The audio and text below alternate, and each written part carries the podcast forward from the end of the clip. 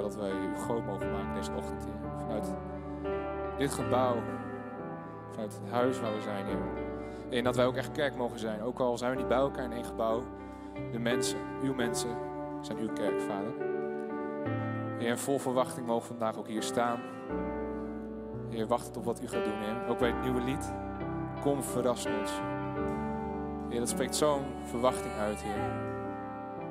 Heer, dat u ons mag verrassen. Niet dat u onze toestemming nodig heeft. Dat zeker niet. Maar juist dat wij zeggen, kom, verras ons. Doe wat alleen u kan doen. Laat het gaan zingen.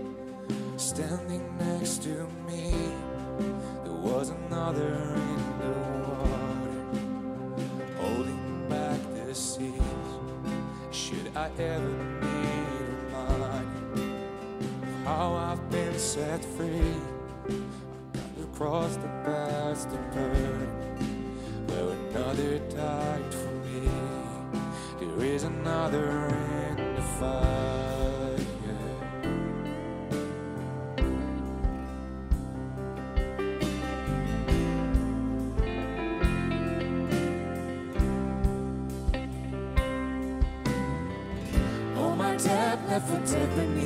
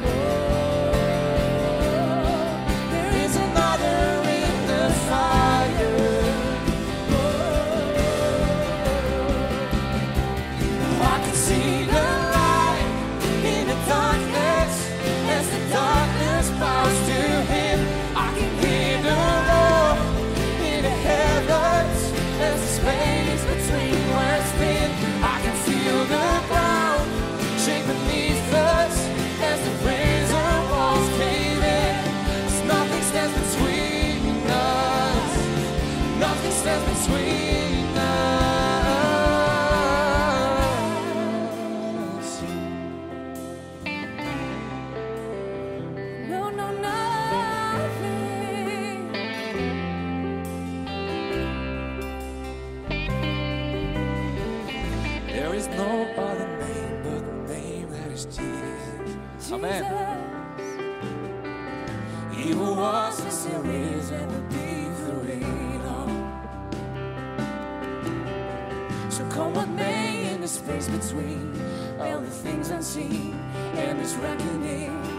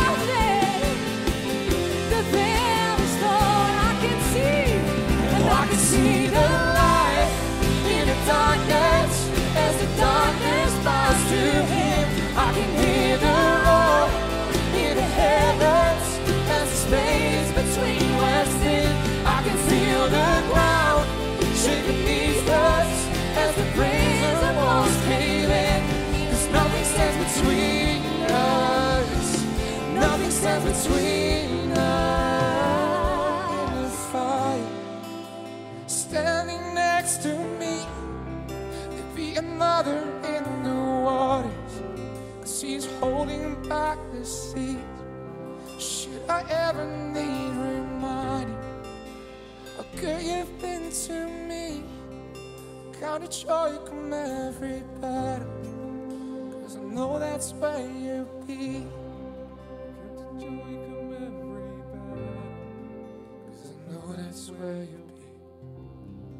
Count joy come every battle. Cause I know that's where you'll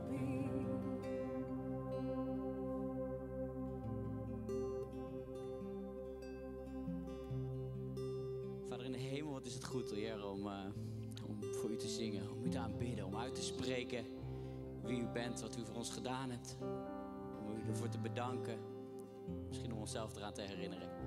Heer, we, zijn blij, we zijn dankbaar voor, eh, voor de kerk. We zijn blij, dankbaar voor deze dienst. En we zijn benieuwd wat u ons wil laten zien vanochtend. Heer, we dragen zo alles eh, op in uw naam. Amen. Goedemorgen, iedereen thuis. Van harte welkom hier bij de dienst van CLC Leeuwarden. En eh, zoals ik zei in het gebed, we kijken uit naar vanochtend. We kijken uit naar wat God wil laten zien, wat God wil laten merken. We kijken uit om uit te spreken naar God, wat Hij doet, wat Hij heeft gedaan en wat Hij wil doen. Om ons daarna uit te strekken, ook, ook deze ochtend weer. En eh, Hij is volop bezig. En hebben we gisteren kunnen zien, toen eh, bij een prachtige Young Leaders Day. En een speciale dag als training, toerusting. Eigenlijk ook een stuk dankzegging ook naar alle leiders die we hebben hier. Die zich specifiek richten op, eh, op de jongeren. In het kinderwerk, tienerwerk, jeugdwerk. Er zijn er zoveel bij, eh, bij alle JOVO's. En ook dat kon prachtig online plaatsvinden. Ze hadden een prachtige combinatie met, eh, met World Servants. Om daar vanuit het, vanuit het hoofdkantoor een prachtige livestream te geven. Met toerusting, met aanbidding, met alles erop en eraan. Om, eh, om gewoon opgebouwd te worden. Om in de komende tijd gewoon weer fris te kijken naar hey, hoe kunnen we de jeugd bereiken? Hoe, hoe kunnen we elkaar opbouwen? Hoe kunnen we een blijvende impact hebben op onze jongeren in de kerk en daarbuiten? Hoe kunnen we dat doen met elkaar? Nou, dat was een prachtige dag eh, wat ik van terug heb gehoord. En eh, we zijn dankbaar voor alle leiders, voor alle jongeren die er, die er zijn. En we kijken uit naar wat God gaat doen ook onder hen in de komende, in de komende periode. Ik heb een aantal eh, mooie punten op mijn briefje staan. Waar ik eh, de korte aandacht voor jullie voor mag vragen. En het eerste eh, belangrijke punt is het punt om te geven. En er zijn allerlei, mogelijk, allerlei mogelijkheden om dat te doen. En jullie vragen om mee te bouwen. Ik begreep dat er nog wat mensen zijn die vragen hadden over wat dan die vierkantjes zijn. Die zo in dat scherm staan ergens links of rechts bovenin. Eh, dat is een extra prijsvraag voor iedereen. Dus je kan een aantal eh, de zwarte vlakjes tellen en dan kun je dat in de chat doorgeven. En dan degene die het dichtst bij het aantal juiste eh, punten ziet, die, die krijgt de grote prijs van de programmamanagers, heb, ik, heb ik gehoord. Eh, je kan ook altijd even nog een fotootje maken en dan krijg je de link met het goede, goede antwoord. Ehm, next, deel 2 is het volgende punt wat, er, eh, wat erop staat. En dat begint, eh, nou ja, deel 1 is al geweest, dan zouden we nu niet deel 2 kunnen aankondigen. Maar de volgende deel, dus deel 2, staat voor donderdag 18 maart. En om 8 uur s avonds beginnen we. Het is heel kort, het is maar drie kwartier. En in de next speciaal voor alle mensen die, eh, die misschien nieuw zijn hier in de gemeente. Die, eh, die voor het eerst nu meekijken of misschien nog wat vaker, maar zich nog niet aangesloten hebben. En daarover nadenken. We willen je van harte welkom heten. We willen graag uitleggen wie we zijn, wat we doen. ehm, hoe we de rol zien van iedereen in de gemeente. En dus ook deel 2 van Next gaat specifiek over goede gewoontes opbouwen. Hoe kun je dat doen in je leven? Hoe kun je dat doen in de gemeente? Hoe willen we je daarbij helpen? Nou, het is echt een mooie, mooie cursus om elkaar zo online te ontmoeten. Op de website kun je, kun je meer informatie vinden en dan kun je aansluiten op donderdag 18 maart. Dan specifiek voor iedereen die gaat trouwen of net is getrouwd, hebben we een prachtige cursus die binnenkort gaat starten. Time to Marry. Het begint op 1 april, dat is altijd een beetje verdacht. Maar eh, het loopt tot en met 29 april. En dan op 5 donderdagavonden, dus ik denk toch wel dat het echt is. Is er een eh, prachtige cursus die we samen met, eh, met Alpha Cursus geven. En het is een specifieke cursus dus voor iedereen die jong in het huwelijk staat of binnenkort gaat trouwen. Om je optimaal voor te bereiden. Om te zorgen dat je daar een prachtige tijd wordt waar je met elkaar van, eh, van kan genieten. Eh, en eh, daar is dus speciaal die cursus voor. Je kan je aanmelden via huwelijk.clcleeuwarden.nl Dan hebben we een heel mooi item waar ik, eh, waar ik erg enthousiast van werd toen ik het in de voorbereiding al zag. Want dit gaat over schulp, schuldhulpmaatjes. Moeilijke woorden, maar eh, een prachtig initiatief. En eh, dat gaat, is specifiek opgericht door organisatie om mensen te helpen eh, om zicht te krijgen op hun financiën. En financiën is een onderwerp waar we gewoon niet makkelijk over praten. En eh, in onze cultuur niet, maar al helemaal niet voor veel mensen wanneer dat even niet zo goed loopt. Als je financiële zorgen hebt, als er schuldeisers zijn die, die vragen om, om, die achter je broek aan zitten, dan kan het juist een extra hobbel zijn om hierover te gaan praten. En de organisatie Schuldhulpmaatjes is daarvoor opgericht om je daarbij te gaan helpen. En eh, nou, we hebben Remco Voogd vanuit onze eigen gemeente, die, eh, die heeft zich ook hierbij aangesloten, is getraind, heeft opleiding gehad en eh, van alles erop en eraan. En die wil graag met je meekijken. En op vanaf komende zaterdag zijn elke zaterdag tussen 10 en 12 is een soort inlopen spreekuur om samen je situatie te bekijken. Om te zorgen dat je weer overzicht komt, dat er inzicht komt. Om je te helpen om daar grip op te krijgen en om je daar gewoon te helpen om stappen in te maken. Nou, Remco, jullie kunnen hem vanaf hier niet zien, maar ik zie hem wel. Hij staat hier ook achter de knoppen. En dit is ook een van de mooie initiatieven waar hij aan, eh, waar bijdraagt, waar hij enthousiast van is geworden. En ik denk dat het heel waardevol is om op deze manier willen we ook gemeente zijn. Willen we ook naast je staan, willen we je helpen om, eh, om grip te krijgen. En eh, we hopen dat dit, dat dit je aan kan, aan kan sporen. Wil je er eens over nadenken? De informatie, hoe je eh, meer informatie kan vinden, staat op de slide en staat in de chat. Dus uh, schroom niet om gewoon eens contact op te nemen. En eh, dan kijken we of we daarbij kunnen helpen. Je moet je wel even aanmelden voor die inloopspreekuren. Dus daar eigenlijk niet helemaal inloopspreekuren. Je moet je even aanmelden natuurlijk, om, zodat we dat ook eh, geheel conform alle richtlijnen en regels kunnen doen. Dus eh, dat is ook nog een belangrijke opmerking eh, tot slot. En dan zijn we alweer bij het laatste nieuwsitem. En dat is natuurlijk de Bijbelvers Challenge. We zijn heel benieuwd wat Eva ervan gemaakt heeft.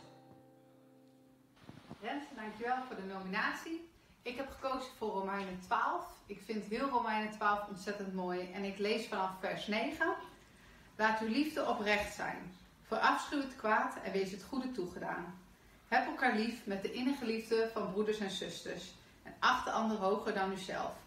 Laat uw enthousiasme niet bekoelen, maar laat u aanvuren door de geest en dien de Heer. Wees verheugd door de hoop die u hebt. Wees standvastig wanneer u tegenspoed ondervindt en bid onophoudelijk. Bekommer u om de noden van de heiligen en wees gastvrij. En er is altijd de mogelijkheid om gastvrij te zijn, ook nu, om elkaar aan te vuren en elkaar lief te hebben. Dus laten we dat blijven doen. En ik wil graag Henniel nomineren voor de volgende keer. Veel succes!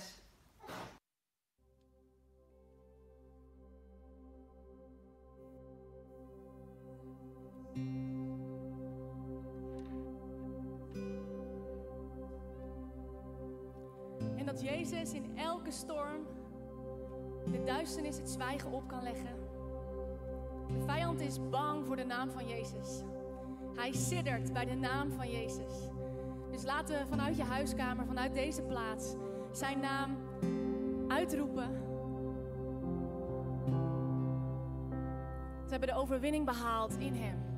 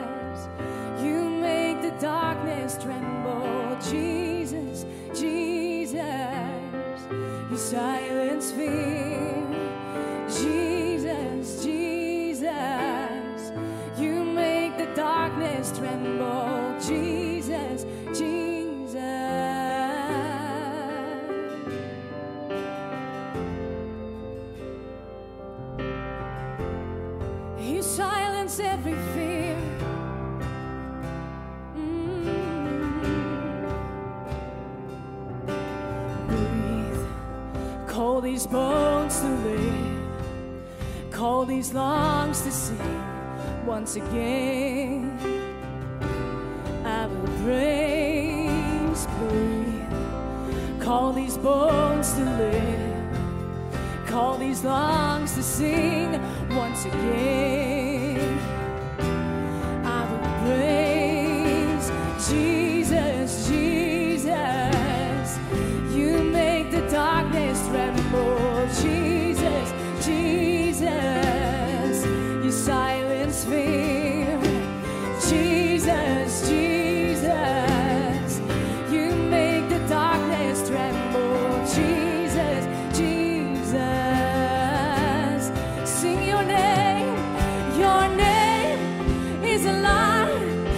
shadows.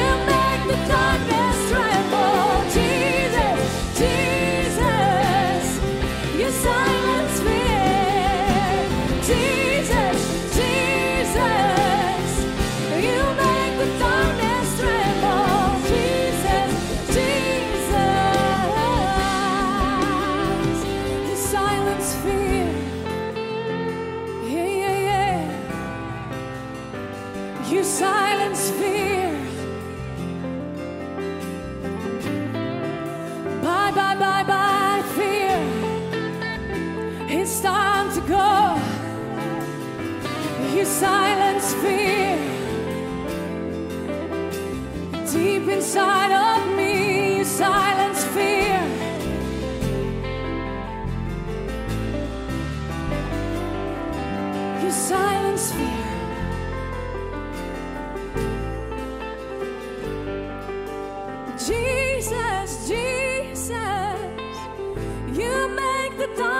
tremble, Jesus, Jesus, you silence fear.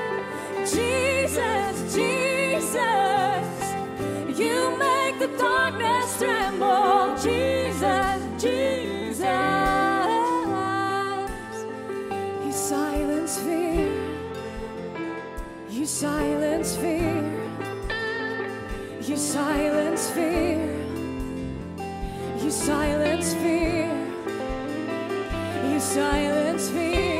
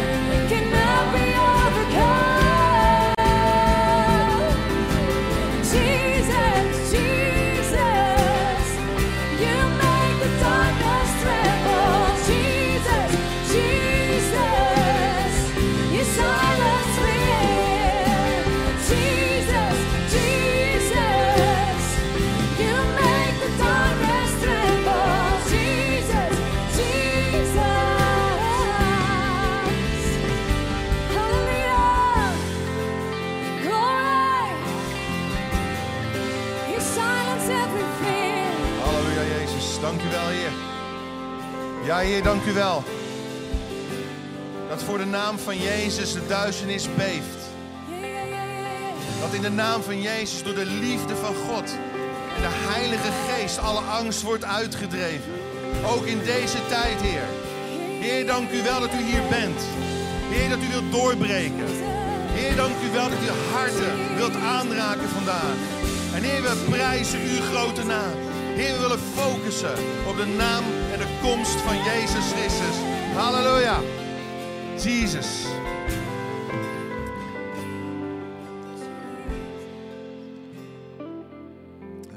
Harte welkom, goedemorgen. Of misschien kijk je wel eens s'avonds naar de dienst, dan is het goedenavond. Maakt niet uit. We zijn bezig met een tweeluik over de eindtijd en waarin wij leven en de wederkomst van Jezus Christus. Vorige week hebben we het gehad over de laatste weeën. En vanmorgen gaan we het hebben over geen paniek. Jezus komt. En ik wil meteen inzoomen op een hele mooie tekst uit 2 Thessalonicense 2 vers 1. We gaan eigenlijk ehm, een kijkje nemen in de brieven van Paulus aan de Thessalonicense. Hoofdstuk 1 en 2. En daarin beschrijft hij dus ehm, ja, de wederkomst en alles wat daarbij komt kijken. Hij zegt, broeders en zusters, over de komst van onze Heer Jezus Christus en het tijdstip waarop we met Hem worden verenigd, zeggen we u, verlies niet meteen uw verstand. En raak niet in paniek. Vandaar het thema van morgen geen paniek. Jezus komt. Raak niet in paniek wanneer een profetie, een uitspraak of een brief die door ons zou zijn geschreven het voorstelt alsof de dag van de Heer op het punt staat aan te breken. De dag, dag dat Jezus komt staat vast. Dus geen paniek. Het is geen reden tot, tot onrust en angst. Het is reden om attent en actief ons te blijven inzetten voor de missie van de kerk. Het belang van dit thema is niet alleen gelegen in het feit van de huidige pandemie en de lockdown waarin we zitten. Als we het belang van de wederkomst afmeten aan de frequentie, de hoeveelheid waarin de Bijbel erover spreekt, dan is het een zaak van het allergrootste belang. In het Nieuwe Testament alleen al wordt het meer dan 300 keer genoemd. Dat is gemiddeld 1 op de 25 versen. Paulus, hij schrijft er meer dan 50 keer over in zijn brieven. Gericht op de gemeente, de plaatselijke gemeenten. Er is berekend dat er acht keer zoveel versen over de wederkomst van Jezus gaan, dus de tweede komst van Jezus, als over zijn eerste komst op aarde, zijn geboorte.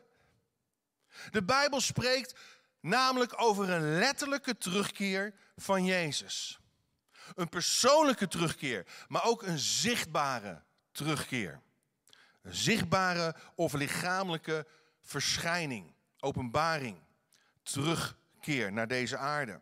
Verschillende keren worden we opgeroepen in het Nieuwe Testament om heel bewust de wederkomst te verwachten, er naar uit te zien. En dat is niet een, een passief afwachten. Michael Green, hij zei, lees u mee, misschien op de chat, van christenen wordt verwacht dat zij uitzien naar de komst van de Heer en waakzaam zijn. Dit betekent echter niet een vrome passiviteit, maar actie. En in die zin kunnen we zijn komst zelfs bespoedigen. We hoeven dus deze tijd, tot hij terugkomt, niet uit te zitten tot het bordje einde in de lucht verschijnt. De tijd waarin wij leven is bedoeld om te gebruiken de levende en de ware God te dienen.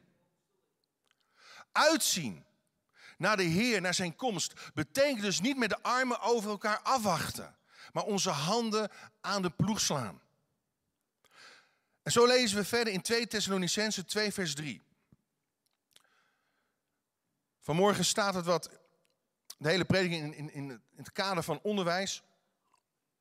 Maar het is even belangrijk om hier op, om op in te gaan, goed op in te gaan.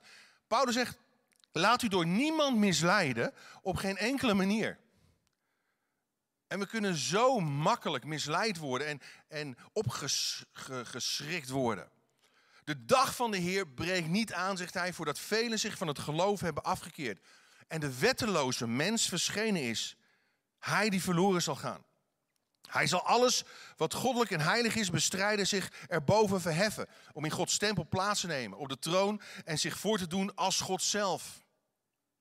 Hoewel in het verborgene de wetteloosheid nu al werkzaam is, moet eerst degene die hem tegenhoudt verdwijnen. Dus er is iets wat, wat hem nog tegenhoudt om openbaar te worden. De, de, de, de mens van wetteloosheid, de zoon van het verderf. Eh, en pas dan verschijnt hij en dan zal de Heer Jezus hem doden met de adem van zijn mond. De adem van God. De God die sprak, er zij licht en er was licht. Dat is zo krachtig. En hij zal hem vernietigen door de aanblik van zijn komst. En daar mogen we naar uitzien. Goed, de wetteloze mens, wie, wie is dat? Dat is een verwijzing naar de antichrist. Of het beest in het boek Openbaring. Maar Johannes, de apostel, zei ook: de geest van de antichrist, waarvan u hebt gehoord dat hij zal komen, is nu al in de wereld. Ja, wij verwachten de komst, de terugkomst van Jezus Christus. En zijn overwinning op alle duistere machten. Ja, wij verwachten een schitterend einde waarin hemel en aarde vernieuwd zal worden. En waar het kwaad geen plaats meer zal hebben en zonde geen plek meer zal hebben en, en, en de duivel opgeruimd zal worden. Maar deze toekomst zal pas plaatsvinden door een weg van verdrukking. Jezus zei ook tegen zijn discipelen: Jullie zullen het zwaar te verduren krijgen in de wereld. Maar houd moed. Ik heb de wereld overwonnen. Houd moed. Jullie krijgen met verdrukkingen te maken. En door de verdrukkingen heen zullen we het koninkrijk van God binnen gaan komen. Maar Jezus, hij spreekt ook heel specifiek over de grote verdrukking. Matthäus 24, vers 11, lees u mee. Want het zal een tijd zijn van enorme verschrikkingen. In de Statenvertaling staat de grote verdrukking. Zoals er sinds het ontstaan van de wereld tot nu nooit geweest zijn. En er ook niet meer zullen komen. Dus er, komt een, een moment van een hele grote verdrukking. Maar natuurlijk, we kunnen op verschillende manieren nu al te maken hebben met verdrukking, met vervolging. De grote verdrukking echter die Jezus voorzegt, zal alle verdrukkingen sinds het ontstaan van de wereld tot nu toe overtreffen. En dit wordt allemaal in detail beschreven in het boek Openbaring. Openbaring 6 tot en met 19. En Satan zal zich gaan bedienen van het beest of de antichrist, de mens van wetteloosheid, de zoon van het verderf. Allemaal verschillende begrippen om, om die persoon aan te duiden. En de grote verdrukking zal eindigen in de slag van Armageddon. En, en, en de openbaring van Jezus als koning der koningen. En dan zal Jezus komen met zijn leger. Zijn grote hemelse legermacht van engelen. Om het beest en zijn volgelingen te oordelen. En dat kun je lezen, openbaring hoofdstuk 19, vers 11 tot en met 21. En de grote verdrukking zal dan worden gevolgd door het duizendjarig vrederijk van Christus. En dan vervolgens komt er het laatste oordeel en de hemelse Jeruzalem zal op aarde neerdalen. En we zullen voor eeuwig met hem als koningen heersen. Nou, dat is even een hele korte lijn, een uiteenzetting van wat er te wachten staat. Maar de grote puzzelvraag is natuurlijk deze. Wat zal de volgorde zijn van, van al deze gebeurtenissen ten aanzien van de opname van de gemeente? Lees mee. Zal de komst van Jezus plaatsvinden voor de antichrist en de grote verdrukking of erna? Dat is een grote puzzelvraag. En er zijn een paar visies eigenlijk die, die hier uit ons springen. En het, het een is niet goed of fout. En het probleem is vaak hoe wij als christenen hiermee omgaan. Dat we het bijna als een absolute waarheid verheffen. Bijna een heilswaarheid, terwijl dat niet zo is. Want het is best lastig om een goede keuze te maken wat betreft de interpretatie ervan. Maar we lezen in 1 Thessalonicense 4 vers 16 het volgende. En daar beschrijft Paulus heel duidelijk de, de opname van de gemeente, van de gelovigen, die zal plaatsvinden. En hij zegt, want de Heere zelf zal met een geroep, met de stem van een aartsengel en met een bazuin van God neerdalen uit de hemel. En de doden die in Christus zijn, zullen eerst opstaan. Daarna zullen wij, de levenden, die overgebleven zijn, samen met hem opgenomen worden in de wolken naar een ontmoeting met de Heer in de lucht. En zo zullen wij altijd bij de Heer zijn. Zo dan, zegt Paulus, troost elkaar met deze woorden. Troost elkaar. Nou, in de visie, opname voor de verdrukking, worden dus alle gelovigen opgenomen om later met Jezus terug te keren op aarde. Ze gaan dus niet door de grote verdrukking heen, door de grote ondergang en afval heen. Maar hierin wordt geargumenteerd dat de kerk beschermd wordt voor de grote verdrukking, omdat het Gods oordeel is over de aarde. En de kerk zou in deze ook degene kunnen zijn die de verschijning van de wetteloze, de antichrist, nog tegenhoudt. Maar als de kerk, dus ook de Heilige Geest, in die zin er niet meer is, dan, dan wordt hij ten volle openbaar gemaakt.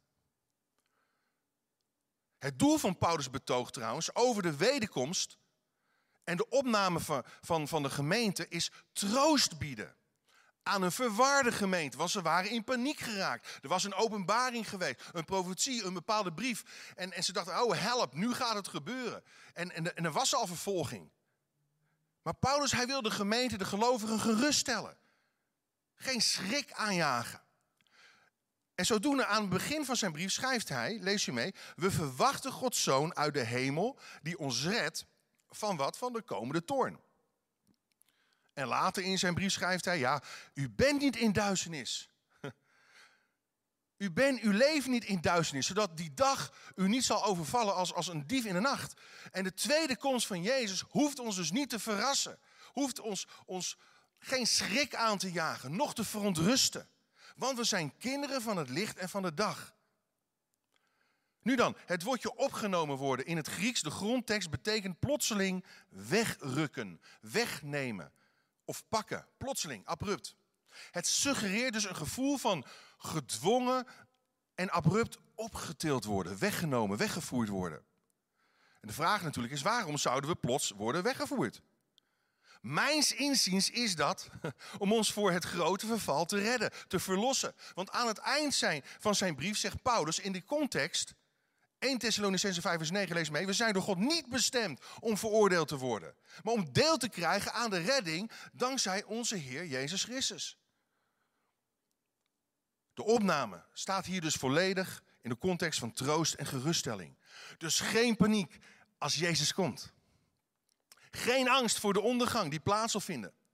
Bij de wederkomst zullen christenen in de ontmoeting van Christus een nieuwe kwaliteit van leven gaan ervaren. Ze zullen deel krijgen aan zijn hemelse lichaam en voor altijd met hem zijn. Maar er is nog een tweede visie. Ook een aannemelijke visie.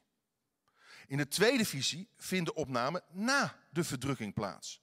Direct vooraf aan Jezus' wederkomst. Nu dan, hierin wordt geargumenteerd dat de opname en wederkomst altijd samen in één adem worden genoemd. Dus dat is een heel goed en logisch punt. Maar wat zou dan het nut van de opname zijn? Nou, de reden in relatie tot deze visie, de opname na de verdrukking, zou in de vertaling of interpretatie van het woord ontmoeten liggen. We worden weggevoerd op de wolken in de lucht om de Heer te ontmoeten. De wolken zijn trouwens geen regenwolken, zoals in ons land. Nee, de wolken hier, zij symboliseren Gods grote macht en glorie als Hij verschijnt, als Hij terugkomt. En het Griekse woord ontmoeting werd gebruikt in die tijd voor de ontvangst van een keizer of een stadhouder of een heel belangrijk persoon door de inwoners van een stad.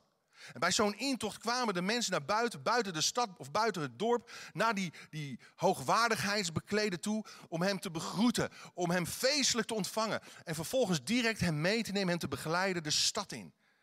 Met feestgejoel en met muziek.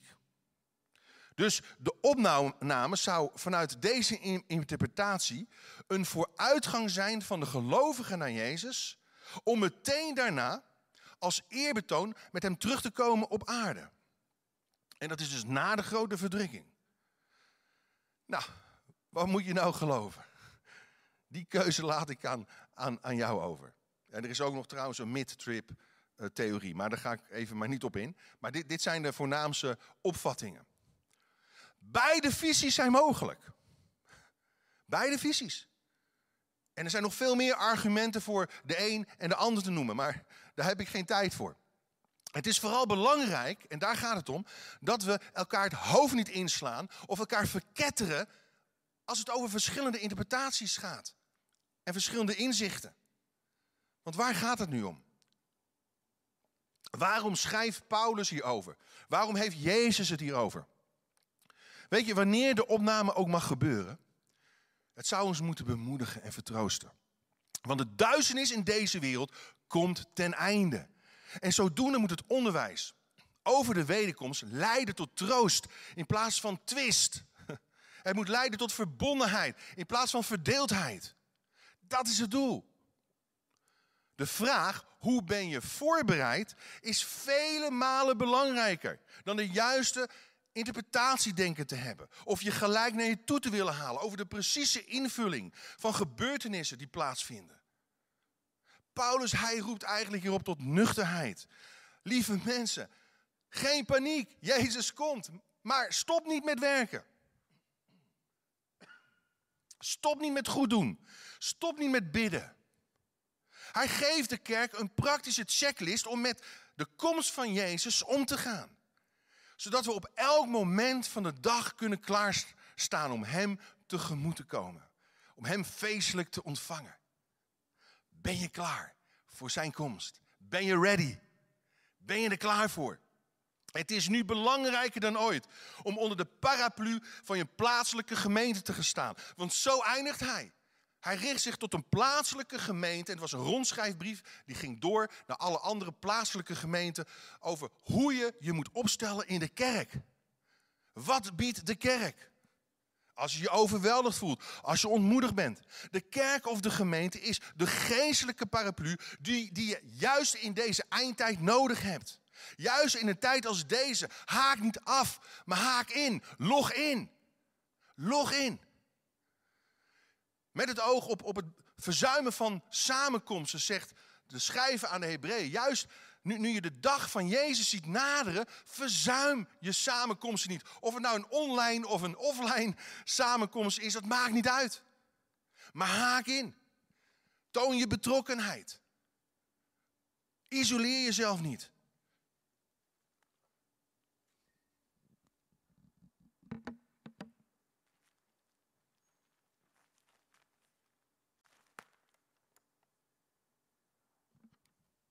Ja, waarom niet? Omdat de gemeente, de kerk, mijn paraplu is. De gemeente is jouw paraplu. En het gaat niet om dat je overal mee eens bent. Het gaat niet om dat er misschien verschillende interpretaties over Bijbelteksten kunnen zijn. Het gaat erom dat je je schuilt onder de bedekking van een gemeente. De paraplu, geestelijke paraplu. Ja, je ziet hem misschien niet zo goed, maar hij is er wel. Hij is er wel. En wat zie ik? En ik snap het. Helemaal geen probleem. Je kunt naar Beam kijken. Je kunt naar de Mozaïek kijken. Je kunt naar de Doorbrekers kijken. Je kunt naar Hillsong kijken. Je kunt naar uh, overseas, uh, naar, naar kerken in Amerika kijken elke zondag. Prachtig. Gewoon vooral doen. Hoe meer je kijkt naar diensten en preken ontvangt, hoe beter. Maar, maar, verwaarloos je eigen online dienst hier in Leeuwarden niet. Want je bent een lid, een onderdeel van deze paraplu. Je schuilt je onder de. Als jij hulp nodig hebt, dan komt niet de voorganger uit Amerika bij jou op bezoek. Als jij hulp nodig hebt, gebed nodig hebt, dan komen niet de leiders uit Australië naar je toe. Ja? Schuil je onder de paraplu van je geestelijke familie. Wat doet een paraplu? Nou, dat is logisch. Die biedt bescherming. Dus zorg ervoor dat je droog blijft in de regen. In feite zegt Paulus aan het eind van zijn brief aan, aan de Thessalonicensen over de eindtijd. Als je de regendruppels, als je de regendruppels van de wederkomst van Jezus voelt vallen. Ga dan onder de geestelijke paraplu van je lokale kerk zijn. En hij geeft ons een lijstje over hoe we ons moeten gedragen en opstellen in de gemeente. Dus wacht even. Schrijf dat op. Pak een pen en papier, maar schrijf, gebruik dit als een checklist. Check dit. Een checklist als geestelijke paraplu voor de wederkomst. Allereerst, de eerste paraplu is de geestelijke paraplu van leiderschap en eenheid. Leiderschap en eenheid. Ik was zo blij om, om gisteren bij de Young Leaders trainingsdag te zijn. Allemaal jonge leiders die zich willen inzetten voor, voor onze jongeren, onze jeugd en onze tieners. En hoe gaaf is het om zoveel potentieel te zien. Maar leiderschap over de volle breedte van de gemeente en, en, en de eenheid in de gemeente is zo belangrijk. Dat we streven naar eenheid, lieve mensen. Want dat is onze geestelijke paraplu. Als er geestelijke strijd is, als er stormvoet, als we te maken hebben met verdrukking. En of we nou wel of niet door die grote verdrukking heen gaan. We hebben elkaar nodig. 1 Thessalonicense 5 vers 12. Wij vragen u, broeders en zusters, diegenen onder u te erkennen die zich op gezag van de Heer, het is niet op eigen gezag, het is ook niet op eigen gezag dat ik hier sta, dus op gezag van de Heer ervoor inzetten u te leiden en terecht te wijzen. U moet hun om hun werk, niet omdat ze zo geweldig zijn, omdat ze, omdat ze zo goed. Nee, om hun werk veel liefde en respect betonen. Leef in vrede, in harmonie met elkaar. Zoek de harmonie, jaag de vrede na. Dus hoe is het gesteld met jouw leven, in jouw leven, met de paraplu van leiderschap en eenheid? Zoek je de eenheid? De verdeeldheid? Ben je een vredestichter of een ongestoker? Besef dat God leiderschap geeft om gelovigen te inspireren, te motiveren en te mobiliseren om de doelen van de kerk na te streven en uit te werken. En weet je, leiderschap biedt bescherming. Ook voor je geestelijk leven, in een geestelijke strijd. Het geeft kaders, het geeft grenzen aan, maar ook visie en voeding voor je leven. Dus check, hoe is het gesteld op dat gebied? De tweede paraplu. De geestelijke paraplu van partnerschap en bewogenheid. Partnerschap en bewogenheid. Lieve mensen, dit staat allemaal in de context van de wederkomst. Ik zuig het niet uit mijn duim. Het staat er allemaal in. Er staat, wij sporen u aan, broeders en zusters. Iedereen die zijn dagelijks werk verwaarloost. Waarom? Ja, er, zijn, er waren mensen die dachten, ja, Jezus uh, komt nu terug elk moment van de dag, dus ik stop met werken. Nee, nee, nee, nee. Blijf verantwoordelijk voor datgene wat je, wat je hebt opgenomen als taak, als bediening of wat dan ook. Ook in het dagelijks leven. Blijf je verantwoordelijk opstellen. En dan zegt hij, um, de moedeloze hoop, we sporen u aan de moedeloze hoop te geven. Op te komen voor de zwakken. En met iedereen geduld hebben. Met andere woorden, hey, luister, we zijn partners van elkaar. We zijn mede-arbeiders van God. En we spreken elkaar aan in een geest van zachtmoedigheid als we elkaar zien dwalen. En weet je, als je geen doel, geen missie voor ogen hebt, raak je moedeloos. Maar wij, wij, zijn, wij zijn partners van elkaar. Dat geeft moed, dat geeft hoop. Onder deze paraplu geven we elkaar hoop. Want weet je, we zijn gemaakt voor een tijd als deze. Jij bent gemaakt voor een tijd als deze. En dan zegt Paulus, zie erop toe dat niemand kwaad met kwaad vergeldt en streef altijd naar het goede. Zowel voor elkaar als voor ieder ander. Streef naar het goede. We kiezen voor vergeving, niet voor veroordeling. We kiezen voor positiviteit en rekenen af met negativiteit. Want we willen onder die paraplu zijn. We breken elkaar niet af, maar we bouwen elkaar op. We geven mensen niet wat ze verdienen, maar wat ze nodig hebben. Dus check, hoe zit het met de paraplu van partnerschap en van bewogenheid? En dan ten derde, de geestelijke paraplu van blijdschap en van dankbaarheid. Je zou kunnen zeggen van aanbidding. De geestelijke paraplu van blijdschap en dankbaarheid. In het woordje blijdschap en dankbaarheid zit het woordje charis, oftewel genade. En dan zegt Paulus, wees altijd verheugd, bid onophoudelijk, dank God onder alle omstandigheden, want dat is wat hij van u, die één met Christus bent, verlangt. Dat is wat God wil.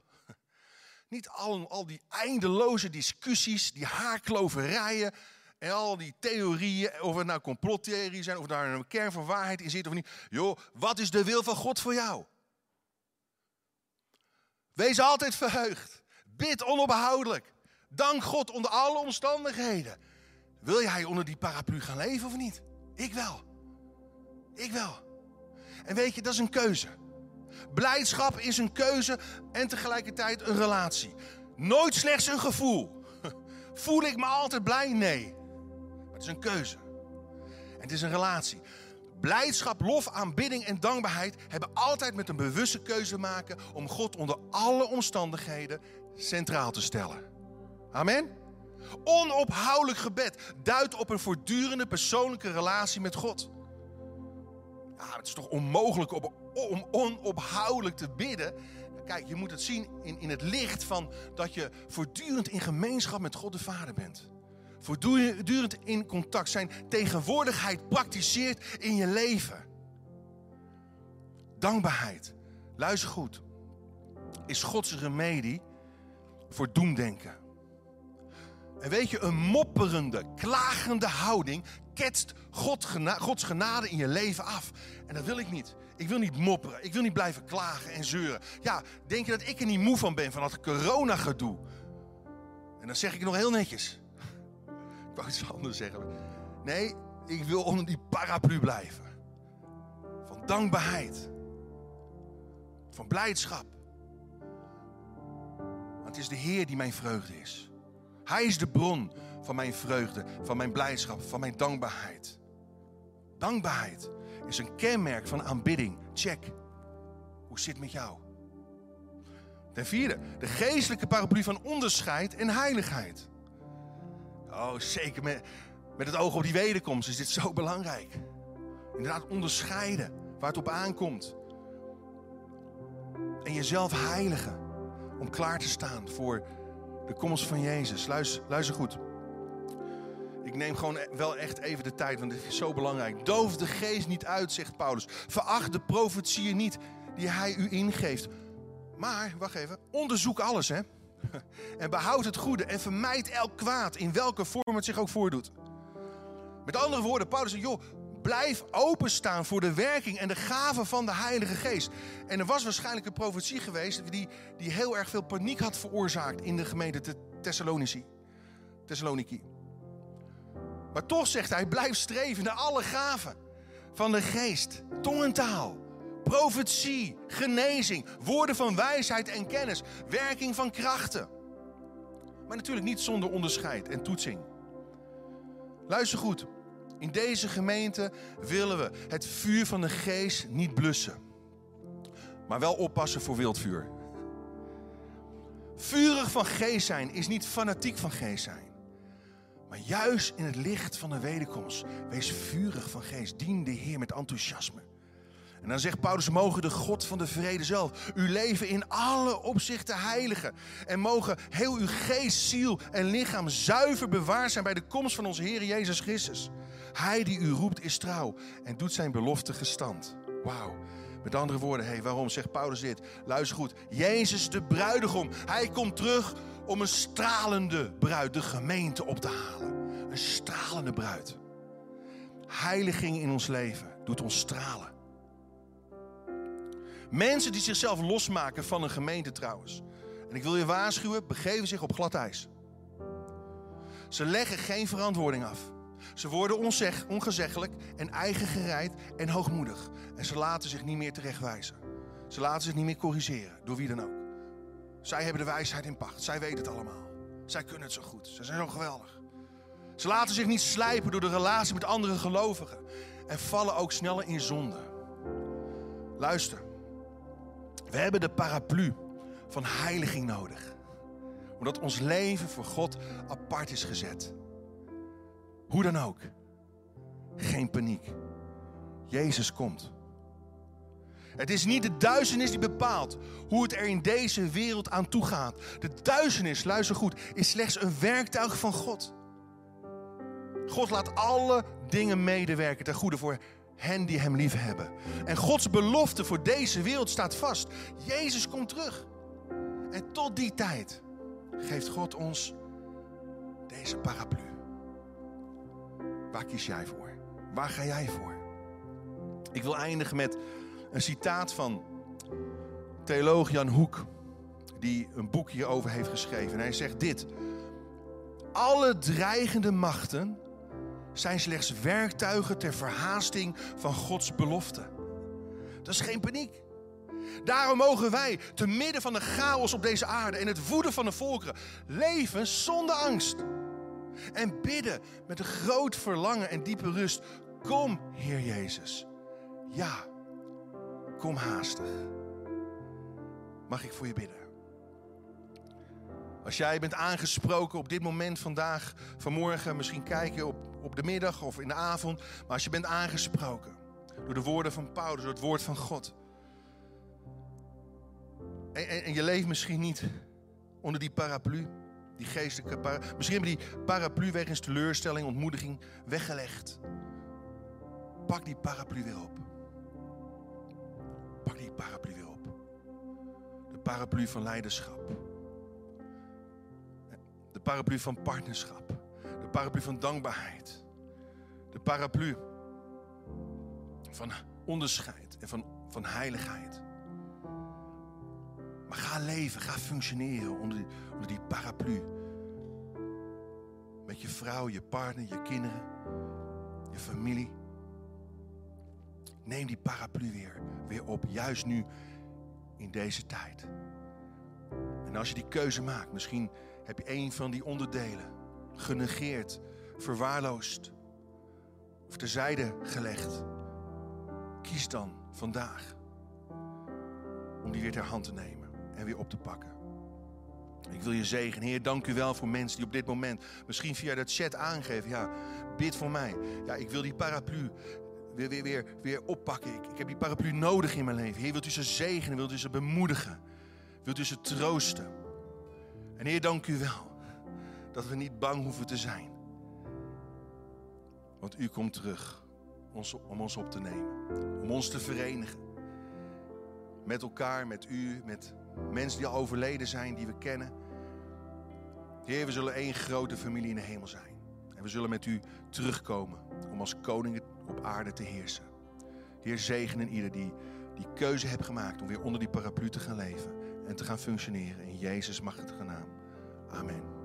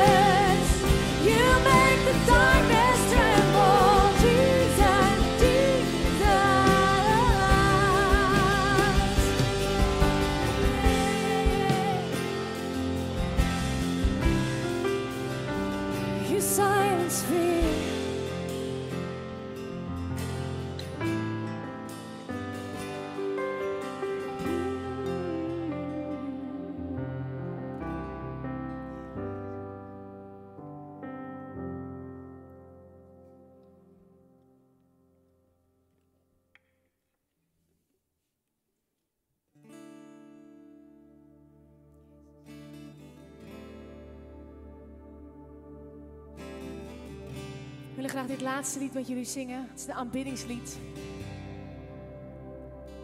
Revelation Song. Wat een gouden ouwe, maar zo prachtig. Vertelt het over wie Jezus is, wie God de Vader is. Zingen jullie met ons mee?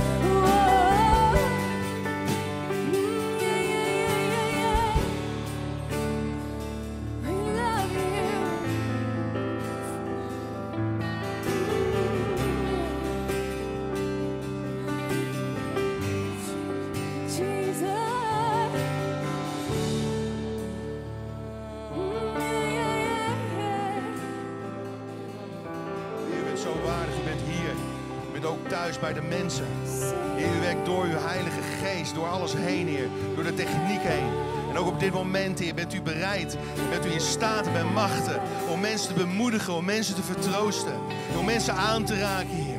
Heer, dank u wel dat er een diepe vrede mag komen. Dat, dat alle vrees verdreven mag worden. Oh, in Jezus' naam, we staan op grond van de overwinning die u hebt behaald. Aan het kruis op Golgotha. Heer, dank u wel voor uw leven. Dank u wel voor uw bloed, Heer. Dank u wel voor uw overwinning. Oh, halleluja, Jezus. Halleluja, Jezus. Dank u wel. Heer, op dit moment willen we ook gaan bidden voor onze regering. Voor de verkiezingen die voor de deur staan. Heer, we willen bidden dat uw wil mag geschieden, Heer. Heer, dat u de, de kiezers zal leiden. Heer, er is veel onzekerheid. Mensen voelen zich niet gekend, niet gehoord.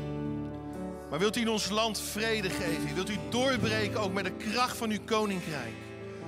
En we willen onze gezagsdragers zegenen. Welke politicus dan ook, die willen we zegenen. We zijn geroepen om te zegenen, niet om te vervloeken, maar om te zegenen. Om het goede uit te spreken. Om uw plannen uit te spreken over hun leven. Uw doelen. Heer, is hoop in u en ik bid, Heer, dat mensen geleid mogen worden. Om de juiste keuzes te maken. Dat alles in goede orde mag verlopen. En Heer, dank u wel dat we met elkaar onze schouders eronder mogen zetten. Ook in ons land maatschappelijk gezien. Dat corona achteruit gaat, overwonnen wordt. In de naam van Jezus. Heer, dank u wel. Dank u wel. Ontvang zo de zegen van God. Dat de genade van God onze Vader en de liefde van Jezus Christus onze Heer en de kracht en verbondenheid van de Heilige Geest bij jou en mij zullen zijn de komende weken. In Jezus' naam. God zegen. Halleluja. Zullen we dat refrein oppakken? Jesus, your name is power,